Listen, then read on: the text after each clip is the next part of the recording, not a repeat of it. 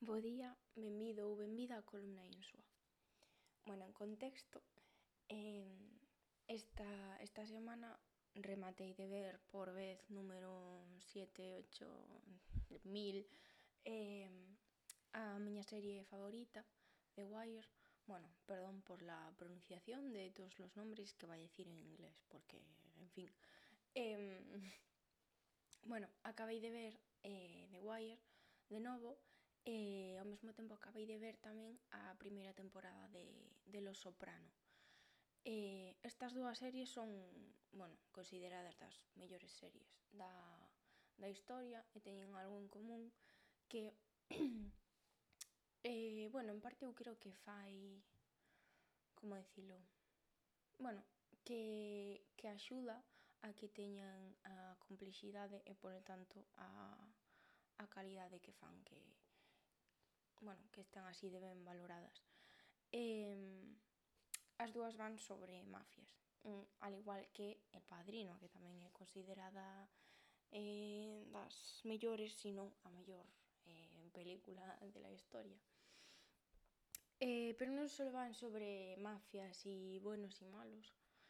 Eh, eu creo que aí está a clave, que é que mm, non hai buenos e malos, non?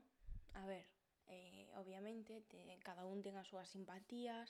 Hai xente que sí que claramente pois pues, dices tú mal mal eh, pero pero bueno non hai unha loita así clarísima entre el bien e el mal. Eh, eu creo que iso tamén dá pé a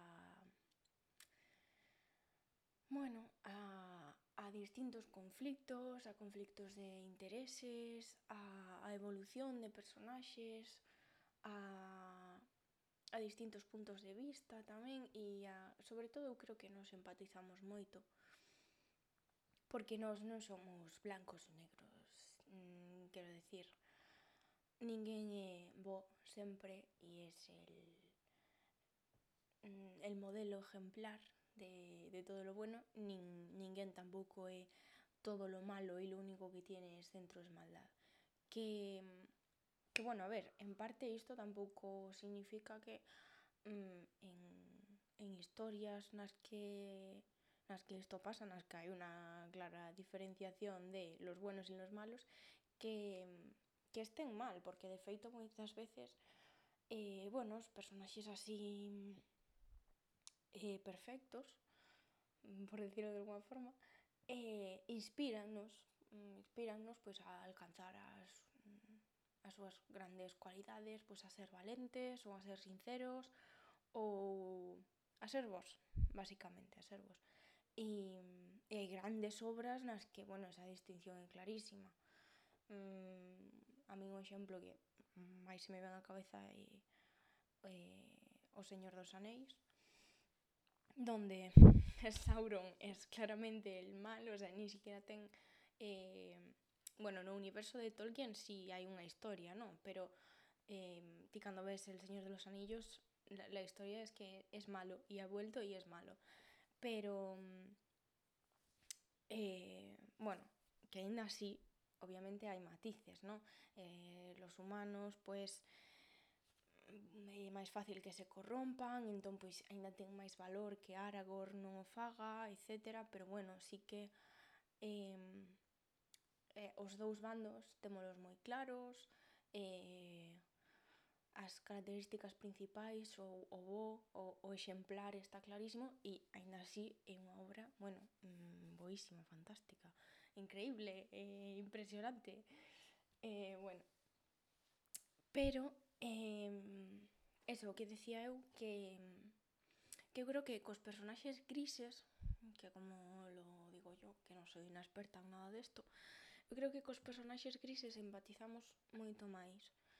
Eh, e incluso cos que non empatizamos, eh, o ter os seus momentos bons ou malos, ou eh, fai que... Bueno, que creo eu que abramos a mente, digamos, pero por que este personaxe está facendo isto, sobre todo obviamente cando é unha historia ben construída, non? E eu creo que The Wire, sobre todo, eh, fai un traballo magnífico nesto. A máis de ser unha, unha crónica social, un documento, creo que vai ser un documento histórico, la verdad, en 100 anos, eh, bueno, ten, ten todos os personaxes son son grises. Ponche gustar por esto, pero logo la cagan por lo otro. Y pues como en la vida misma, non? Que tampouco creo eu que poidamos ter a ninguén eh, no altar máis alto porque se, se acaba cayendo. Eh, bueno, obviamente recomendo que a vixades.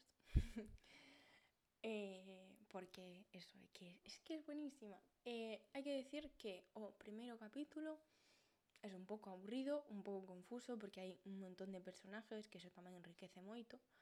Hai moitísimos personaxes e, eh, bueno, igual vai un pouco lento, un pouco confuso, pero se superas os tres primeiros capítulos e eh, sigue te interesando que vai pasar no cuarto, yo tiraría para adelante. Eh, e bueno, ao mesmo tempo de bueno, con Los Soprano eu diría que os grises eh, non é unha serie como decirlo tan que pretende ser igual de realista, igual de documental, ¿no? Que The Wire, pero mmm, ainda así sí que sí que ves eh, los defectos y los puntos fuertes de, de cada un. Eh, E isto tamén me fai pensar en Juego de Tronos, que é outra serie que está valoradísima, super valoradísima. O Juego de Tronos teño moito cariño, a pesar de las últimas temporadas, que non foron tan malas, sí, podía ser peor, pero bueno, estábamos acostumbrados aí a, a un nivel que non foron capaces de manter, creo eu. E en Juego de Tronos, obviamente, tamén hai, o sea, casi todos son personaxes grises, e los que non lo son, se mueren véase Ned Stark. E... Entón, eu creo que é eso, que tamén dá pé a tantas cousas e a evolución dos personaxes. Por exemplo, na última temporada, o sea, moitísimos fans, pois, eh, colleron un cariño tremendo a Jamie, que tú mm, miras al Jamie de la primeira temporada e dices, pero como le van a coger cariño si es... no, o sea, no, hasta da un pouco de grima. Eh, pero ¿qué pasa? Que no es eh, lo malo y ya está, y es un personaje plano y no tiene más que estar ahí por, para que Cersei diera luz a Joffrey y a Myrcella y a Tommen. No. Eh, cada un ten a súa... Eh, bueno, un individuo propio, co súa historia, cos seus medos, cos seus obxectivos. Eh, E bueno, eu, bueno, o único personaxe que se podría decir que sí que é moi blanco e que sobreviviu é, é Brien, pero bueno, sirve unha función bastante obvia con, con Jamie de, de ablandarse, de ser comprensivo con coas faltas do outro e entón, bueno, pois, pues, que tamén é un personaje complejo, non é nada plano. Pero o resto diría que son grises, totalmente. E Y es que son, o sea, todos estos que son tan buenos. Dios, todas esas series y estas películas. Eh, e pareceme eso, moi, moi necesarias, porque porque a veces como que nos poñemos moita presión en riba dicindo es que tengo que tener todas as cualidades perfectas ou tal. E cando non o facemos, é como que nos vemos como la persona máis horrible del mundo, máis detestable, máis... E, eh, e non é así, non, non é así. E, todos somos un intermedio. Temos que facer, obviamente, o mellor que poidamos, pero por cagar algunha vez, pois, non somos el peor ser humano del planeta e todo el mundo es mucho más bueno y mejor que nosotros. Mm, no, obviamente no. E, e bueno, por último, gustaríame tamén meter aquí neste neste grupo de, series e personajes e e, e mezclas eh, a Bojack Horseman, que bueno, ainda que non é unha serie que este rematada, pero tamén é moi boa, bueno, na miña opinión, a ver, para gustos colores, pero pero tamén creo que mm, moi boa serie. E tamén é eh, increíblemente eh, bueno, está, eso, está impregnada de, de grises e de complexidade. É unha cousa que o mellor nos, nos episodios non te das conta e crees que o único personaje, bueno, así, complejo, entre comillas, pues sería Bojack, pero pero despois daste conta de que para nada e que incluso el señor Peanut Butter que que es un señor en teoría feliz, bueno, cariñoso, que que contrasta con todo malo de, de Bojack, ¿no?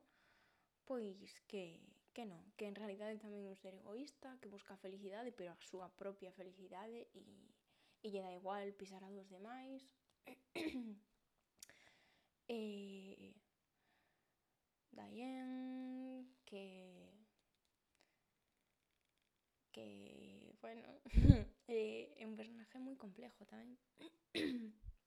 que que ao principio eh, crees que a voz dá razón, pero despois daste conta que incluso as persoas máis intelixentes que tamén se, se equivocan ou que tamén poden estar perdidas sin saber exactamente quen son, que queren. Eh, non sei, eu creo que todos son moi complexos e que que dentro de deste amplio espectro que sempre nos vamos poder sentir identificados con algún eh, e se non somos capaces de, de perdonarlle as súas faltas, lo cual a veces é bastante complicado, eh, pois eu creo que tamén deberíamos ser conscientes de, de que podemos perdonarnos a nos mesmos e perdonar a outra xente da nosa vida que igual tamén, eh, bueno, tomou unha mala decisión. Que con isto non quero decir que haya que perdonarlo todo, eh, ni mucho menos, pero pero eso sí que nos axuda a ser comprensivos e a perdonar porque eso que decía antes, es que nadie nadie es perfecto, a ninguén hai que poñelo en un altar porque todos todos, todos, todos, todos acabamos na, algún momento. E, bueno, isto é unha reflexión bastante inconexa eh, que espero que non vos aburrise demasiado. E, e bueno, que si estades escoitando eso, pois isto, pois gracias por escoitar o resto e bueno, hasta a próxima